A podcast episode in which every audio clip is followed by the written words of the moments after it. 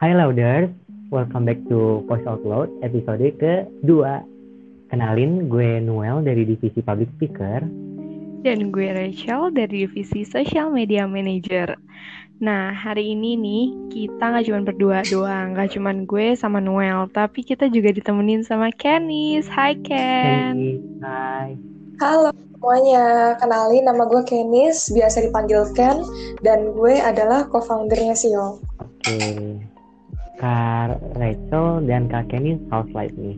Apakah everything being good so far or not? Yes, bersyukur banget sih, semuanya good. Iya, Hmm. ya bersyukur banget sih. Kayak kita juga masih sehat-sehat Iya, dan this pandemic. Iya, masih bisa kayak nikmatin keseharian gitu, itu udah luar biasa banget sih kalau buat gue. Iya, sama.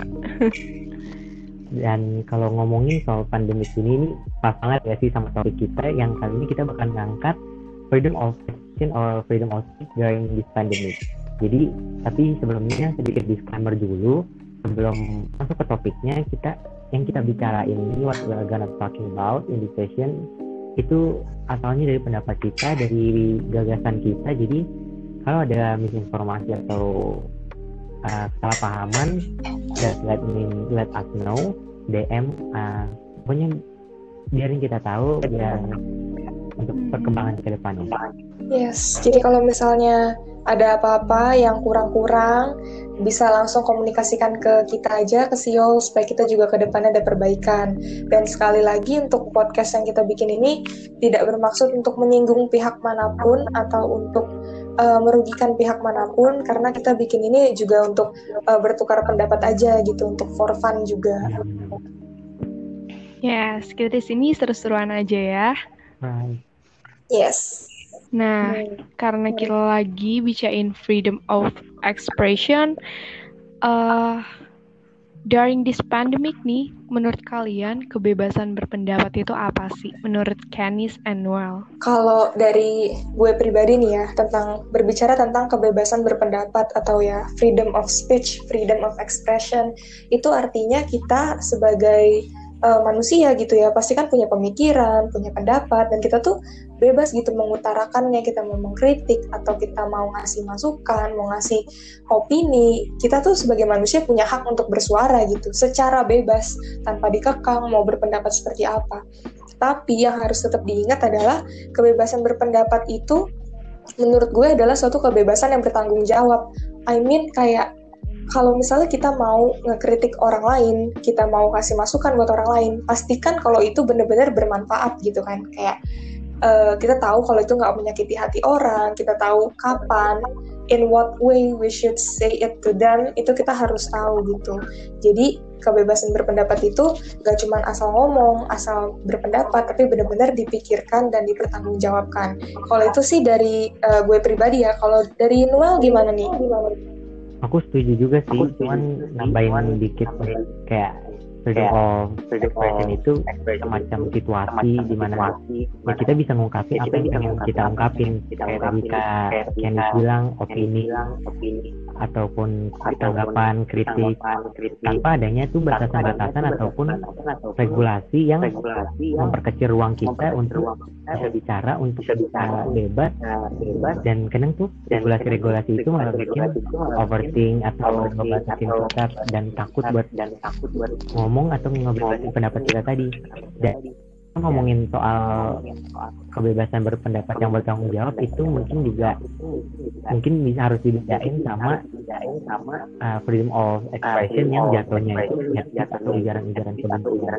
karena kadang tuh suka 11-12 gitu mirip-mirip gak sih? Iya benar banget. Nah, uh, menurut aku keren, banget sih pendapat kalian. berdua. Nah, kalau tadi kan kita udah ngegali nih konsep uh, kayak pendapat kita gitu tentang freedom of expression ini. Nah, sekarang aku mau nanya deh ke kalian tentang kebebasan berpendapat di Indonesia sendiri tuh khususnya ya buat kita yang masih remaja nih, kayak umuran sekolah, kuliah gitu. Sebenarnya tuh freedom of expression ini udah terrealisasikan dengan baik dan benar belum sih? Oke, mungkin dari aku dulu ya. Kalau from my point of view sih, as a teenager, teenager-teenager sekarang tuh udah ya lebih bisa dan lebih berani lah untuk nyuara-nyuarain kayak yang isu-isu endless like equality, kelingkungan, climate Hmm. change. Karena nggak dikit juga anak muda Iya, yang iya, benar. sekarang tuh udah berani banget turun ke jalan, ikut aksi-aksi. Dan kalau kita misalnya deh ambil contoh terdekatnya, yang kayak kita ini lagi recording, bikin podcast Iya. untuk SEO, ini salah satu bentuk kebebasan berpendapat kita juga Mhm, yang mhm, sekarang mhm. di dunia digital. Tapi ini uh, mungkin nanti bakal banyak tapinya. So, ya, you all know lah, teenager kadang-kadang tuh masih dibil umurnya nanggung gitu kan, jadinya sering dicapnya sok tahu, dibilang bocah, ya stigma-stigma yang udah lama lah yang konvensional, yang menurut aku tuh sebenarnya nggak benar juga kok banyak sekarang anak-anak muda yang bikin platform-platform kayak ya scroll dan banyak lagi tapi kadang-kadang yes anak mudanya juga itu yang ngelewatin kaidah-kaidahnya misalnya pakai kata-kata yang toxic kasar terus nyerangnya malah ke Hmm. fisik yang at the end of the day eh at the end-nya itu jatuhnya ke head speech lagi itu sih Iya. Oke, kalau menurut gue sendiri ya, eh, di Indonesia, especially we are as teenager tuh udah terrealisasikan banget, terutama bener nih kata Noel, yang kayak udah banyak nih platformnya, udah ada nih wadahnya. Dan apalagi kita udah dikasih opo- eh, privilege kita berada di negara demokrasi gitu kan. benar Tapi lagi-lagi nih ada tapi untuk terlaksana eh, baik dan benarnya ini nih. Kadang masih em, sometimes kita sering nemu eh, kebebasan berpendapat yang di mana terlalu bebas sampai menyinggung kebebasan orang lain juga. Setuju. di mana nih ya kan? Di mana nih uh, sering banget kayak lack of tolerance and also we we find like hate speech. Dan menurut gue sih itu sih yang perlu banget dikurangin dan jatuhnya sih ya kita mungkin ya apalagi kaum uh, pelajar mahasiswa harus bisa juga mengedukasi teman-teman yang lain bahkan juga orang tua kita nih kan generasi milenial nih jadi sekarang yang mengedukasi di mana kalau kebebasan berpendapat ini tetap harus namanya menghargai kebebasan berpendapat orang lain juga. Itu sih kalau menurut gue. Setuju sih. Nah, iya nih, kayak gue juga setuju banget sih sama pendapat kalian berdua, Noel sama Rachel. Kayak Mhm. eh, freedom of speech di Indonesia ya, khususnya gitu. Udah sebenarnya udah lumayan terbuka luas ya, kayak kita udah bisa bikin platform-platform, mau itu secara digital atau secara langsung, itu udah sering banget dilakukan. Nah, cuman em, pada saat penerapannya inilah yang bermasalah kadang kita udah Iya. difasilitasi ya kan sama teknologi segala macam tapi ujung-ujungnya malah disalahgunakan. Itu sering banget terjadi apalagi buat di umuran remaja ya. Kadang kan masih Hmm, suka pemikirannya kurang eh, nyampe lah gitu kan. Iya. Nah ini sih yang harus perbaiki gitu kan. Harus ada em, effort gitu dari masing-masing kita memang untuk Mhm. eh, ke depannya tuh ya, semakin menjaga perkataan ya menjaga pikiran juga. Benar-benar itu sih yang PR banget buat Iya. sekarang. Iya. Apalagi misalnya nih, ah, aku mau nanya deh. Misalnya kalau di pandemi kayak gini itu jadi penghambat ya sih buat kalian buat ya freedom of speech tadi bebas berpendapat? Terus kalau misalnya ah, itu ngehambat itu effort apa yang udah dilakuin untuk ya tetap bisa lah eksis tetap bisa nyuarain pendapat-pendapatnya tanpa Mhm. nyinggung-nyinggung pihak lain tadi dan pihak protokol ya. mungkin dari aku dulu kali ya. Eh, oke. Oke, kalau menurut aku sih penghambat atau enggaknya itu iya dan enggak. Karena di satu sisi Hmm, karena pandemi itu ya platform-platform sekarang tuh udah banyak banget yang berkembang. Community baru ya Setuju banget. dan KI banyak lagi lah yang di Instagram baru. Jadi berkembang ya ide Iya, kreatif iya jadi kayak itu jadi sekarang kan kita kayak udah teknologi ini itu gitu kan jadi kayak nggak terbatas lagi. Hmm, terus sekarang sarana jadi banyak banget ya sih dari TikTok, Instagram, Twitter. Kalau ya itu makin gampang juga misalnya kita hari aja nih masuk FYP and viral. Jadi lebih mudah banget kan untuk ngerik orang-orang yang kita pengen. tambah lagi Hmm, clubhouse bener. oh iya pengen ngomong pengen cerita cerita jadi gak gampang banget tapi di situ juga sih yang obstacle obstacle barunya baru muncul munculan misalnya kayak tadi ngomongin FYP kita kilas balik deh kasusnya si Boba dan si Hutang yang kemarin sempat viral. iya, apa iya. kan? Kayaknya Gak apa dong. kalau misalnya ini nggak viral, itu nggak bakalan berkepanjangan dan nggak bakalan dihujat sebegitunya nggak sih? Apalagi di TikTok ada Iya bener. banyak fitur-fiturnya yang bisa duet, jadinya ngerembet ngerembet ngerembet terus deh.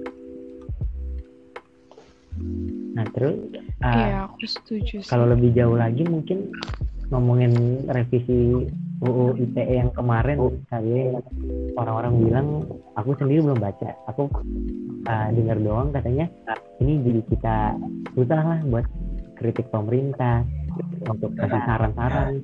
Terus katanya udah bisa nyerang satu orang atau bukan nyerang gimana ya menilai atau beri pendapat jadi dikecilin lagi deh jadi orang gampang ofensif itu padahal offensive or not-nya itu kan tergantung Iya, sama komunitas ataupun orang yang ditujunya itu nggak sih Bener banget. kalau dari itu kalau Daniel or Rachel gimana? Kalau dari aku ya, nah kalau sama sih kayak kamu. Kalau lagi pandemi ini gak terlalu terhambat. Hmm. Soalnya kan udah baik banget nih wadah. Jadi online seperti ini malah kita tambah kreatif. Salah satunya Siol sendiri. Nah, terus nih effort effortnya sih kalau aku mungkin eh aku jadi lebih hati-hati banget sih. Kayak yang udah kalian sebutkan soal UU ITE itu udah jelas banget sebenarnya regulasinya, cuman ada beberapa hal yang kayak dijelasin nih gak boleh menyinggung kebencian. Sementara kan taraf kebencian orang satu sama lain beda-beda kan. Jadi harus hati-hati banget. Gimana apalagi media sosial kan luas banget nih.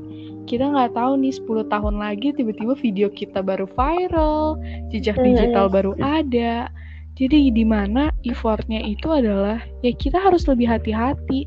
Dan kalau bisa sih menurut aku ya kita tuh lebih baik jauhin uh, misalnya dia ada percakapan-percakapan yang mengarah kepada isu sara atau kepada hate speech lebih baik kita jauhin. Terus apalagi ada fitur report block and anything gitu lebih baik kita gunain itu daripada kita sendiri terjerumus kalau menurut aku gitu. Kalau Kenis gimana nih sekarang Oke, kalau dari uh, aku pribadi sih ya tentang di masa pandemi kayak gini tuh uh, menghambat nggak sih untuk bisa kebe kita bebas berpendapat? Kalau menurut aku sih uh, di masa pandemi ini antara yang kayak tadi Mel bilang sih sebenarnya kayak terhambat atau tidak terhambat gitu antara tengah-tengah. Karena satu sisi kita sebenarnya terhambat karena ya namanya pandemi kita harus social distancing nggak boleh mengadakan acara besar-besar dan segala macam. Jadi kayak mungkin agak lebih sulit kita bisa kayak berpendapat secara langsung gitu berorasi depan umum membuat kerumunan segala macam.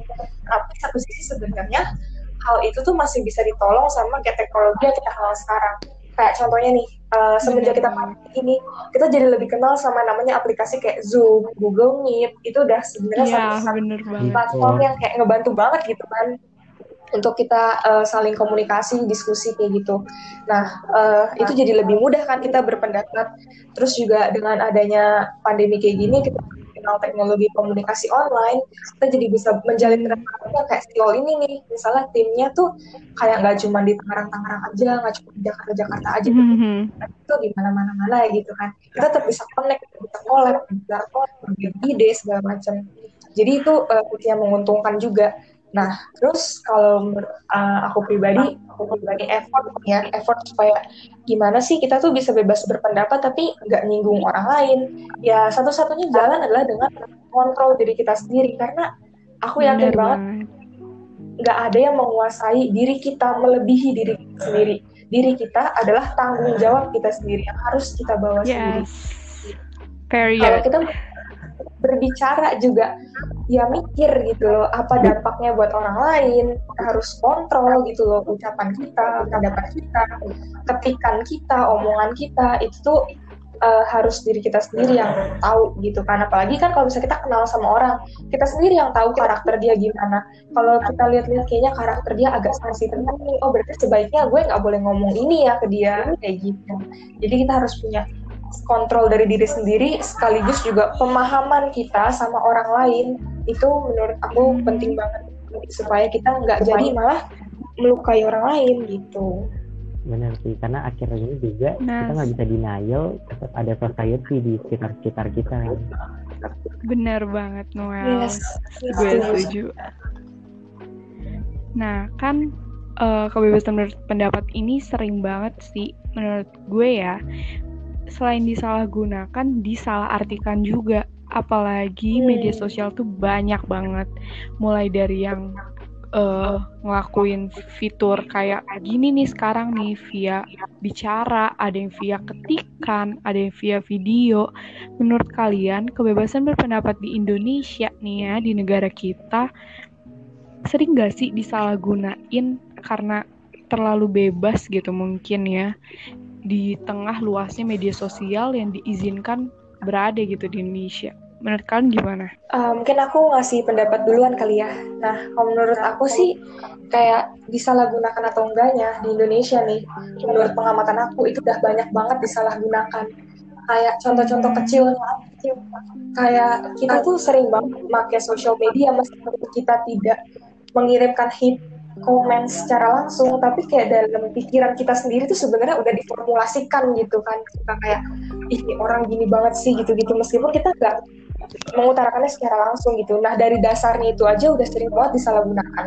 Apalagi kita lihat sekarang nih kayak kemarin ada beritanya kalau netizen Indonesia kan katanya paling gak sopan se Asia Tenggara. Iya. Nah ya, itu udah kayak bukti banget kalau sering disalahgunakan nih freedom of speech di Indonesia.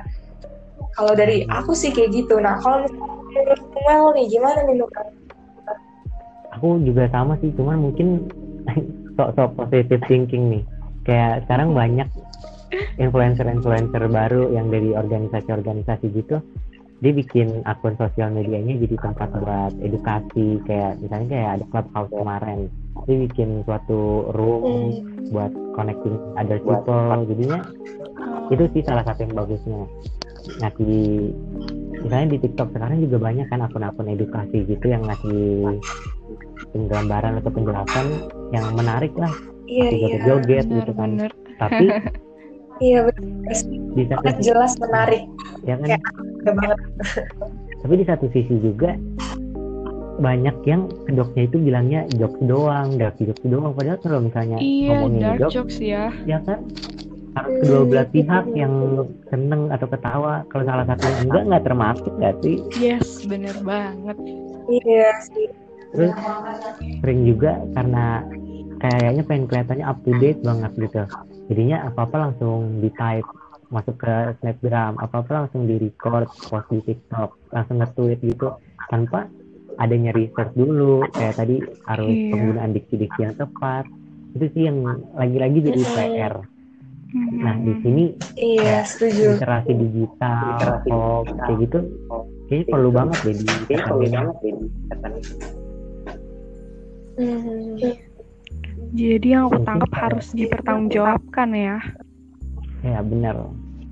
Iya benar banget, benar banget. Kayak kita tuh sebagai anak-anak Indonesia, apalagi ya benar-benar kayak kita generasi terus sebagai anak muda jangan sampai kita malah ngerusak norma-norma di bangsa kita sendiri gitu jadi itu kayak kita semua sih nggak nggak cuma anak muda ya bahkan sampai ke orang tua juga harus belajar bertanggung jawab dalam menggunakan kebebasan. Nah, salah satunya kan kebebasan berpendapat itu. Nah, uh, dari tadi kan kita udah ngomongin panjang lebar kan ya tentang kayak uh, freedom of speech, gini-gini yeah. ya, pokoknya serba-serbinya deh.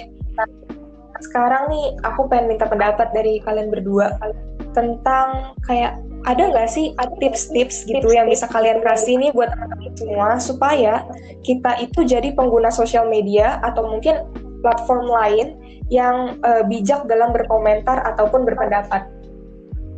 Um, hmm. Aku aku dulu nggak apa-apa nih kak. Boleh dong. Oke, okay. kata aja nih Oke. Okay.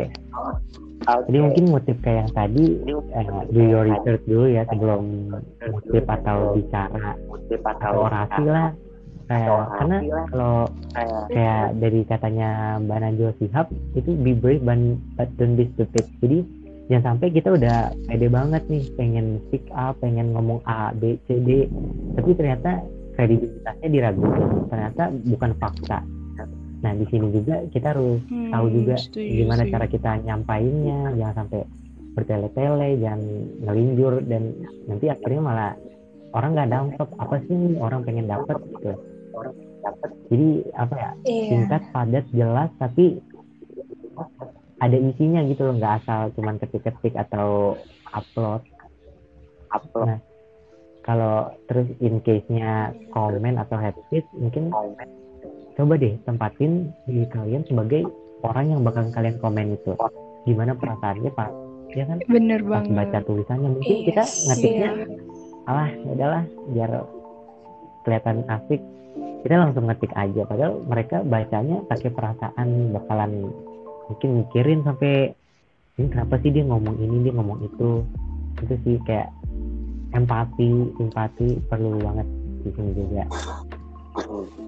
terus ngelanjutin tadi komen sama Hafiz uh, jatuhnya ke etika bicara lagi sih. Kita bakal ngomong ke siapa kita bakal topik apa yang bakalan kita bawa audiensnya siapa yang berbau-bau attitude kesopanan deh pokoknya gitu. Kalau ya aku sih gitu. Mungkin kak uh, Rachel bisa nambah Oke, mungkin nambah-nambahin sedikit kali ya karena setuju banget sama semua yang udah diomongin Noel. Terutama gimana kita ngambil uh, tanggung jawab dari setiap apa yang kita keluarkan gitu. Setiap kita berpendapat di media sosial, gue tuh selalu gini. Jangan pernah anggap uh, dunia maya itu beda sama dunia nyata karena di dunia nyata lo ngelakuin hal aneh lo bakal ngelakuin di dunia maya juga gitu itu sama aja. Karena lo bakal nemuin stranger juga gitu. Dan yeah. dan itu menurut gue ben, uh, bisa lo tanemin karena jangan lupa jejak digital itu beneran serem banget sih kalau menurut gue. Gak ada yang tahu kan 10 tahun lagi lo jadi pejabat kah atau jadi apa pun dan tiba-tiba perkataan lo 10 tahun yang lalu di mana lo belum tereducate ben dengan benar di up lagi itu kan benar-benar bisa jadi iya. bumerang buat diri lo. Nah, itu sih apalagi uh, saat kita mau mengeluarkan sesuatu yang tujuannya mengedukasi orang lain akan lebih bijaksana menurut gue untuk lo ngedukasi diri lo sendiri dulu. Lo baca dulu baru lo bisa mungkin menyebarkannya ke orang lain dan mungkin tambahan kayak tadi udah gue kasih tau juga soal fitur report and block gitu. Menurut gue itu fitur sering banget dilupain sama orang-orang. Tapi itu sebenarnya berguna loh. Apalagi sering gak sih kita tuh uh, kesel gitu misalnya melihat uh, idola kita, junjungan politik kita, atau siapa pun gitu public figure yang kita suka dihina tapi jatuh-jatuhnya kita berdebat dan malah kita terjerumus gitu. Daripada kita uh, berputar-putar di lingkungan seperti itu lebih baik kita gunain nih fitur-fitur seperti report or blog biar di mana media sosial itu yang nantinya bekerja uh, menyelesaikan permasalahan-permasalahan yang mengarah ke head speech tersebut. Itu sih tips dari aku tambahan dari punya Noel tadi mungkin itu juga kali ya iya aku juga setuju banget. Kita harus tahu apa yang lagi-lagi bisa diomongin bisa diangkat sama yang banyak mm-hmm. opini-opini pribadi yang cukup kita deh yang tahu gitu. Bener-bener banget. Bener banget bener banget. Ya terus juga kayak tadi ya pakai yang kayak fitur mungkin kayak blog or report kayak gitu kan bisa apa ya membantu juga gitu. Jadinya uh, kayak cukup pakai aksi aja gitu kan jadinya kita juga nggak melukai perasaan iya. siapa-siapa dan kita gak ngasih panggung nih ke orang-orang yang suka melakukan iya. hal-hal yang sebenarnya melanggar kebebasan berpendapat itu iya iya oke deh jadi ini ya teman-teman dari tadi kan kita berdua nih udah uh, kita bertiga kayak udah ngomongin panjang kali lebar tentang uh, yang namanya kebebasan berpendapat, kebebasan berekspresi. Jadi uh, pada intinya sih ya uh, yang bisa disimpulkan dari uh, dari tadi kita ngomong kayak satu kalau namanya kita kebebasan itu harusnya itu kita lakukan dengan penuh dengan tanggung jawab ya enggak sih hmm. kayak uh, banget. jangan sampai kita nyakitin orang lain gitu kan dengan kebebasan berpendapat hmm. ini.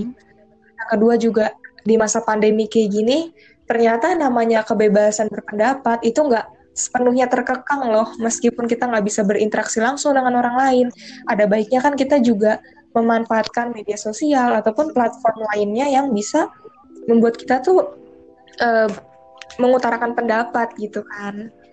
Nah, iya. kalau misalkan dari Noel sama Rachel nih, mungkin ada tambahan gak nih sebelum kita akhiri sesi eh, ngobrol-ngobrol uh, kita ini? Oh, mungkin uh, mungkin dari A, dari siapa okay, nih? Kak Rachel dulu deh. Oke, okay.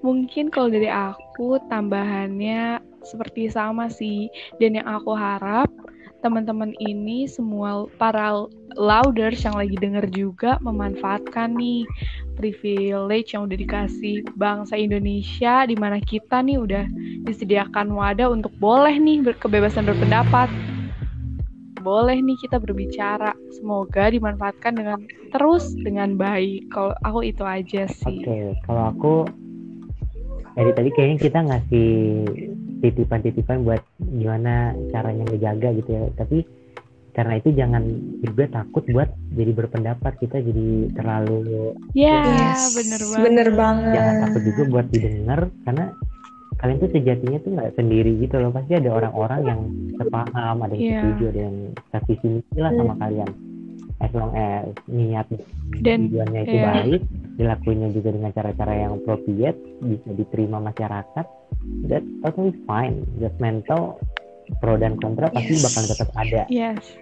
selama ya tadi mm-hmm. kalau udah baik ya tinggal be yourself don't let others define you jangan bikin omongan mereka juga stuck in your mind sampai jadi takut buat ngomong.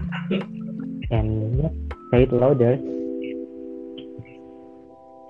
Ya dan menurut aku sih tambahan ya pro dan kontra itu sebenarnya esensi loh dari kebebasan berpendapat itu. Nah, enaknya iya, di situ iya. ada pro dan kontranya gitu sih. Jadi kita juga bisa lebih kayak uh, melatih open mindedness juga ya kayak kita dengerin ya, pendapat banget nah sih gitu perspektif lain jadi kritis ya, yes benar Oke, kayaknya sedih banget dah di akhir nih ya. Iya, gak terasa Udah banget. Berapa menit? sejam oke okay. waduh kayaknya kalau misalnya kita mau panjang-panjangin juga kayaknya nggak akan cukup sih kalau kita ngobrol-ngobrol gini tapi kali ini kita harus iya. cukupkan dulu guys ya karena durasi durasi hmm. gitu oke okay, see you in the next episode di voice out loud tetap berani berpendapat jadi diri sendiri yes dan and thank you banget louders yang udah dengerin banget semuanya Bye. Say it out loud ya guys. Bye bye. Say it out loud. Bye, bye guys.